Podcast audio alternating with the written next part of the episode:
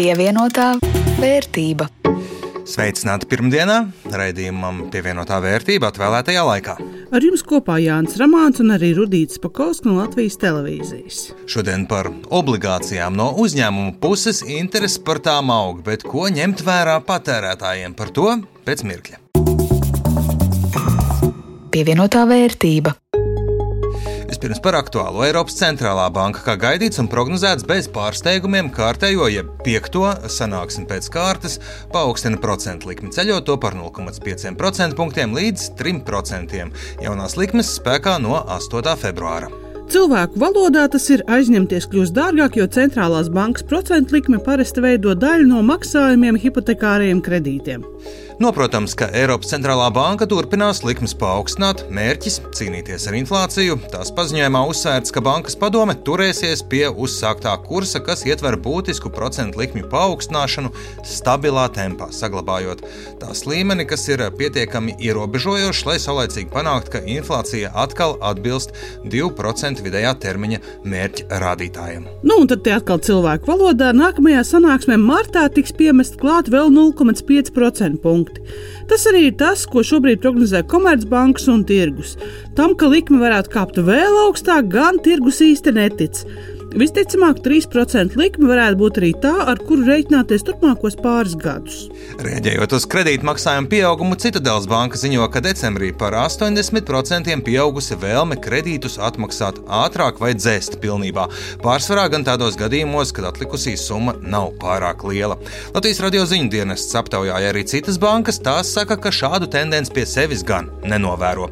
Piesardzīgāki kredītus ņemt gan klienti ir kļuvuši bet publiskajos iepirkumos kārtējais skandāls.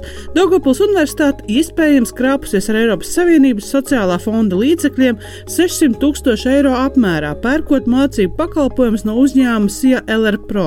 Protams, tur viss vēl jāpierāda, un vismaz pagaidām universitātes amatpersonas savu vainu neatzīst. Bet satiksmes ministrs vēlas lauzt līgumu ar autobusu kartelī iesaistītajiem pārvadātājiem. Nu, nav normāli, ka kartelī iesaistīti uzņēmumi turpina sniegt pakalpojumu it kā nu nekas nebūtu bijis. Te gan iespējams būs jāpielabo likumi, jo līdzinājā pieredze rāda, ka jau noslēgtu līgumu laušana pat gadījumos, kad tiek konstatēta aizliegta vienošanās vai kartelis, ir neefektīva, piemēram, būvniecībā. Latvijas ekonomika pērn augus par 1,8% liecina centrālās statistikas pārvaldes ātrais novērtējums. Gada pēdējā ceturksnī iekšzemes koprodukts gan nav būtiski audzis, drīzāk ir ap nulli, jo kritums ražojošajās nozarēs par 3,3%, bet to kompensēja nelielais pieaugums pakalpojumu nozarē. Bet nākotnē varam un, protams, arī vajag raudzīties optimistiski, jo Latvijas ekonomikas attīstībai nākamo septiņu gadu laikā būs pieejams Eiropas Savienības fondu līdzfinansējums vairāk nekā 5,4 miljārdu eiro apmērā.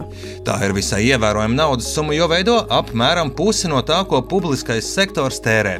Naudu galvenokārt paredzēta ieguldījumiem atjaunojamos energoresursos, pētniecībā un inovācijās, konkurētspējā, ilgspējīgā transportā, prasmēs, izglītībā un sociālajā integrācijā.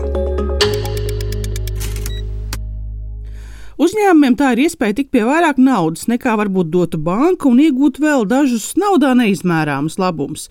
Savukārt investoriem iespēja nopelnīt, dažādot savu investīciju groziņu. Un tas viss ir par obligācijām. Ja mēs pērkam akcijas, mēs kļūstam par uzņēmumu akcionāru, par īpašnieku. Saka Andris Lāriņš, SEB bankas finanšu tirgus pārvaldes vadītājs. Savukārt obligācijas mēs kļūstam par banku, par kreditētāju. Mēs nopērkam obligācijas un aizdodam naudu kas nozīmē to, ka tur nevarētu teikt, ka man tur ir kaut kādas cerības nopelnīt obligācijās. Nav cerība nopelnīt. Pamatā galvenā ideja ir, ka obligācija ir kupons, ir procentu likme, kas nozīmē, ka es viņu nopelnīšu pie nosacījuma, ka tas, kuram es aizdevu naudu, ka viņš nebankrotēs, ka viņš atdos atpakaļ. Viņiem jautāja par to, kā no investoru viedokļa raudzīties uz obligācijām un kam pievērst uzmanību, un par to pēc īsa mirkļa. Bet kādēļ uzņēmumi izvēlās šādu veidu naudas piesaistīšanai? Bankas kredīti gros kā grib, viņi vienmēr būs lētāki. Obligācijas emitējot ir jārēķinās, ka šī aizņēmuma likme ir dārgāka. Atzīst Edmunds Antufjevs, Signet korporatīvo finanšu vadītājs. Tieši Signet pērngad lielākajai daļai uzņēmumu, kas Latvijā laid klajā obligācijas, bija konsultanti. Nu, bet, ja nav lētāk kā kredīts bankā, tad kādēļ izvēlēties obligācijas? Pirmā atbilde ir vienkārši finansējuma apjoms. Ja ar obligācijām ir, ir iespējams piesaistīt lielāku apjomu.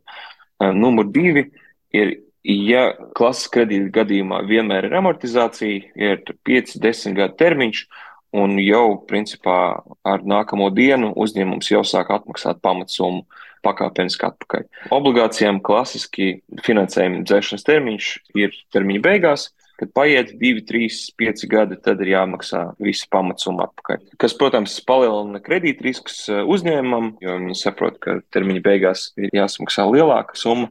Bet uzņēmējs šo visu naudu, visu termiņu laikā, viņš var izmantot visu laiku. Nav tā, ka viņš aizņēmies 5 miljonus, bet viņš jau līdz termiņa beigām ir nodzēsis tur 2, 3, bet obligāti gadiem viņš visu naudu ir aizņēmies uz pilnu periodu, un to var arī izmantot un apgrozīt vairākas reizes savā uzņēmējdarbībā.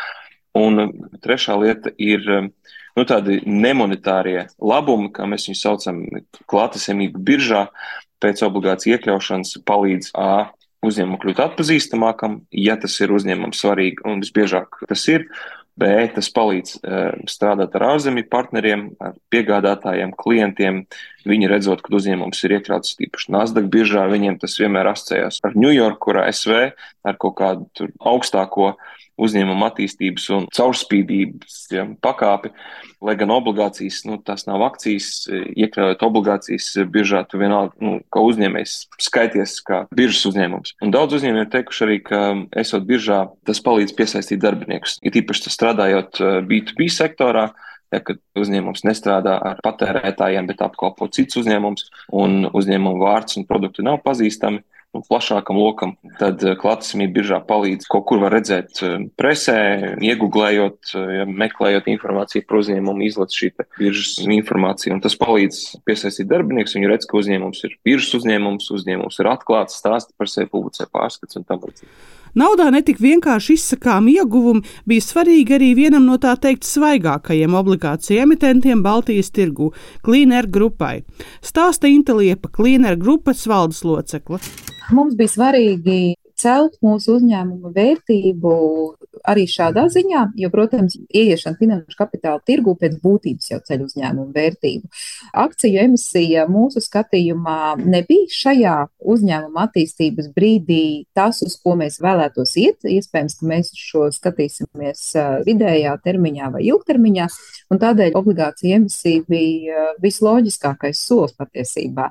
Un tādēļ, piemēram, ne bankas aizdevums, tad šajā šajā gadījumā mums bija ļoti svarīgi skatīties uz papildu lietām, kas nāk kopā ar uh, obligāciju emisiju un ar viņu kotēšanu biržā.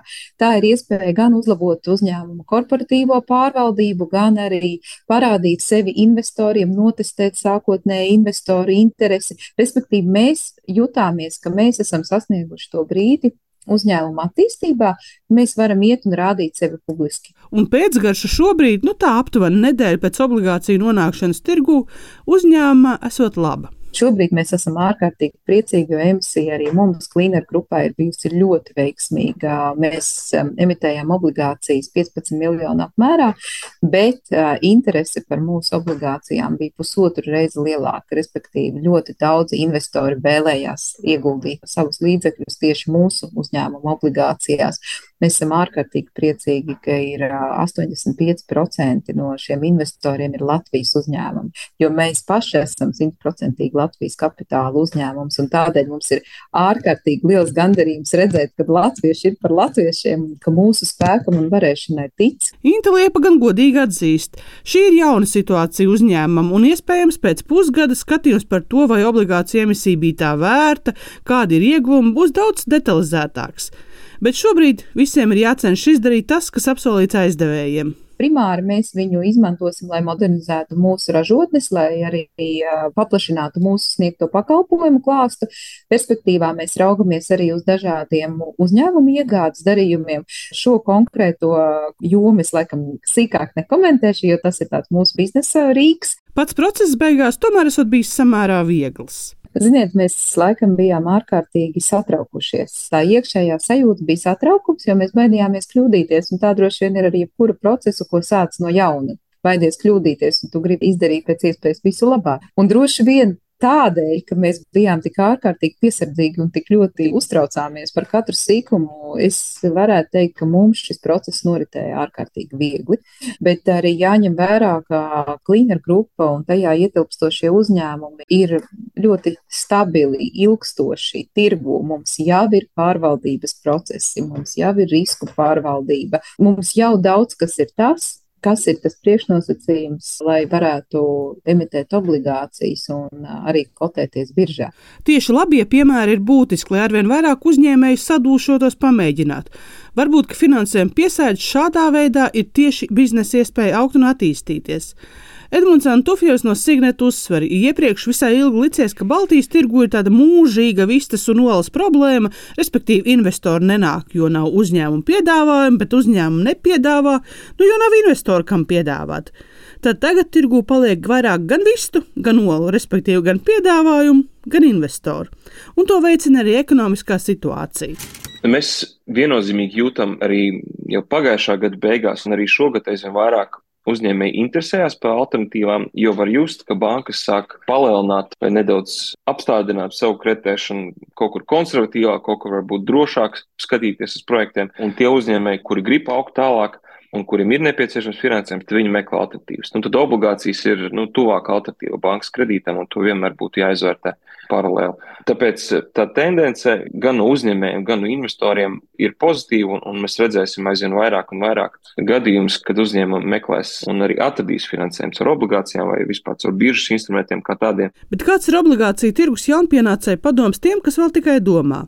Inta Liepa no klīnera grupas ilgi nedomājot saka, noteikti piesaistīt palīgspēkus, jo viss būs jādara ātri, nevelkot garumā ir nepieciešams ķert to brīdi, to intereses brīdi. Jo, ja jūs esat pārliecinājuši kādu investoru, ka jā, jūs esat interesants viņiem, tad nauda ilgi nestāv kontā. Viņu cilvēki vēlās ieguldīt, uzreiz viņi vēlās ieguldīt. Tas nozīmē, ka, ja mēs esam, piemēram, pirms mēneša bijuši pie investora, viņš sāk aktīvi interesēties, nu, kur tad ir tas nākamais solis. Un tajā uz to brīdi ir nepieciešama gana liela cilvēku komanda, kas pie tā strādā. Un, protams, ir jārēķinās ar to, ka pilnīgi visa šī komanda, kas ir iesaistīta obligāciju emisijā, neatkarīgi no tā, vai jums ir konsultanti, juristi, banka un tam līdzīgi, jūs esat tie, kas šīs obligācijas emitē, jūs esat tie, kas sola obligacionāram, kas tiks sasniegts. Un uh, jums šie solījumi ir jāpilda, un tāpēc, protams, arī grupas vadības komandai ir uh, ārkārtīgi lielā detalizācijas pakāpē. Obligāti ir jāiedziļinās, uh, jāiedziļinās visā šajā procesā pievienotā vērtība. Un nu kā solīja par obligācijām, kā par investīciju veidu. Tas var izdot gan valstis pašas, gan uzņēmumi, bet kā tas strādā no ieguldītāja puses? Ieguldu naudas summu, nopērku obligāciju. Noteiktos periodos man izmaksā kuponu, kas būtībā ir procentu maksājums. Nu, un beigās uzņēmums man atdod šo obligācijas vērtību kāpēc eh, ir tas nosaukums kupons, ja procentu likme vēsturiski jau bija tā, ka obligācija bija papīrs, papīra formā. Tur bija tāds, tā kā mēs citreiz reklāmās redzam, noplēšamie telefona numuriņi. Jā, bija kupons, kurā es gāju ar savu obligāciju, man noplēsa kuponu un izmaksāja naudu. Nākamā reize gāja nākamo kuponu noplēst, tā kamēr viss noplēs, un beigās apmainīja obligāciju pret to naudu, ko es sākumā aizdevu. Skaidro Lārīšu no Sebbankas un uzsver, ja izlemts pirkt obligācijas, tad gluži tāpat kā ar visiem pārējiem vērtspapīriem svarīgi pārliecināties, ka aplikācija vai finanšu finanšu iestāde, caur kuru to pērkam, ir licencēta un uzraudzīta. Un tieši tāpat kā pērkot akcijas, izlasīt, ko tad īsti beigās uzņēmums sola. Ir dažādi varianti. Vai nu jums izmaksās reizi pusgadā, vai nu reizi gadā, vai jums izmaksās pašās beigās gan procents, gan vērtspapīra. Tur varianti ir dažādi, un tie visi ir jāpaskatās pirms mēs viņus pērkam. Un tieši tāpat kā jebkurām citām investīcijām, jo lielāks potenciālais ienesīgums, tas ir solītie procenti, jo lielāks risks. Obligācijas gan var arī pārdot pēc tam tālāk citiem investoriem, bet tad vēl jārēķinās arī ar tirgus risku. Vai šai obligācijai, piemēram, ir otrreizējais tirgus, vai ir likvīda? Jo tad sanāk tā, ka mēs viņu nopērkam šo obligāciju ar kuponu 5%, kas ir nu, laba procentu likme. Iedomāsimies, ka tirgu pēkšņi ir kaut kāda krīzīte un tas procentu likmes tirgu iet uz leju. Man ir papīrs, kuram ir 5%. Skaidrs, ka pa viņu vairs neviens negribēs maksāt 100, bet gribēs maksāt vairāk, jo viņš ir ļoti labi ienesīgums. Līdz ar to, krītot procentu likmēm, obligācija cenas aug. Tad var nopelnīt gan kuponu, un kaut kādā brīdī izdomāt, ka man vajag ātrāk naudu, un es viņu varu pārdot, tāpēc ka viņi ir cenā uzkāpusi. Jo procentu likmēm krītot, vecās obligācijas ir augstākas, procentu likme ir vērtīgāka. Savukārt ir pretējais efekts, un ko mēs ļoti sāpīgi izjūtam visos konservatīvajos uzkrājuma plānos pagājušā gadā, ka bija ļoti strauji procentu likuma kāpums. Tas nozīmē, ja man bija obligācija ar 1% un tirgu procents ir 3, 4 un 5, tad neviens par to vienu negrib ņemt. Līdz ar to cena ir nevis 100%, bet iet uz 90, 80%. Mierinājums tiem, kam ir ieguldījumi konservatīvākos fondos, procents joprojām šajā obligācijā maksā no samaksātās summas un arī beigās atmaksās pilno vērtību. Jo tieši obligācijas ieguldījumu fondos, kā skaidro Lāriņš, ir veids, kā visbiežāk mēs kļūstam par investoriem obligācijās. Obligācija tirgus ir milzīgs un ir arī ļoti liels tirgus daļa, kas nemaz nav paredzēta paredzēta investēšanai privātpersonām. Un uh, obligācijām nereti ir tā, nu, tas saucamais sākuma solis, viņš varbūt nezinu, 100 tūkstoši vai 10 tūkstoši vai 1000, kas nozīmē, ka interesantu lokus nav liels un negribētu tur tā piedalīties. Un tad ir, protams, tāda pozitīva lieta, kā piemēram krājobligācijas, obligācijas, kas Latvijā ir, kur sākuma summa ir 50 eiro. Nu, un pats pēdējais arī obligācijām neviens nav atcēlis investēšanas pamatlikumus risku dažādošanu. To uzsver arī mans sarunbiedrs no SEB.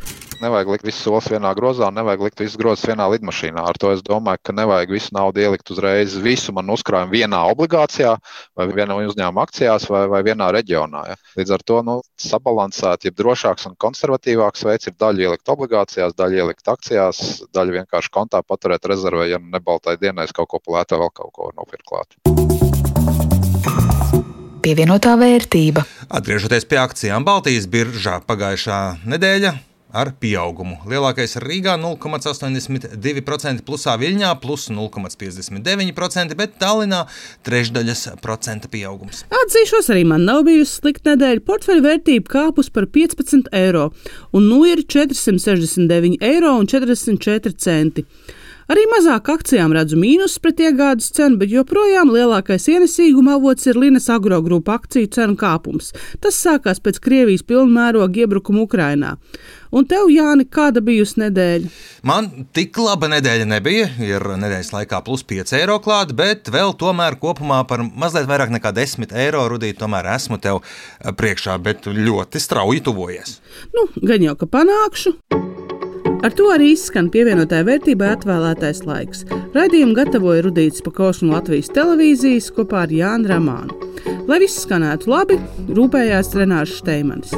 Atgādināšu, ka šo un arī citus mūsu raidījumus var dzirdēt bieži vien plašākā un garākā versijā, praktiski ikvienā jūsu iecienītajā raidierakstu aplikācijā un arī Latvijas radio mobilajā aplikācijā. Uz tikšanos!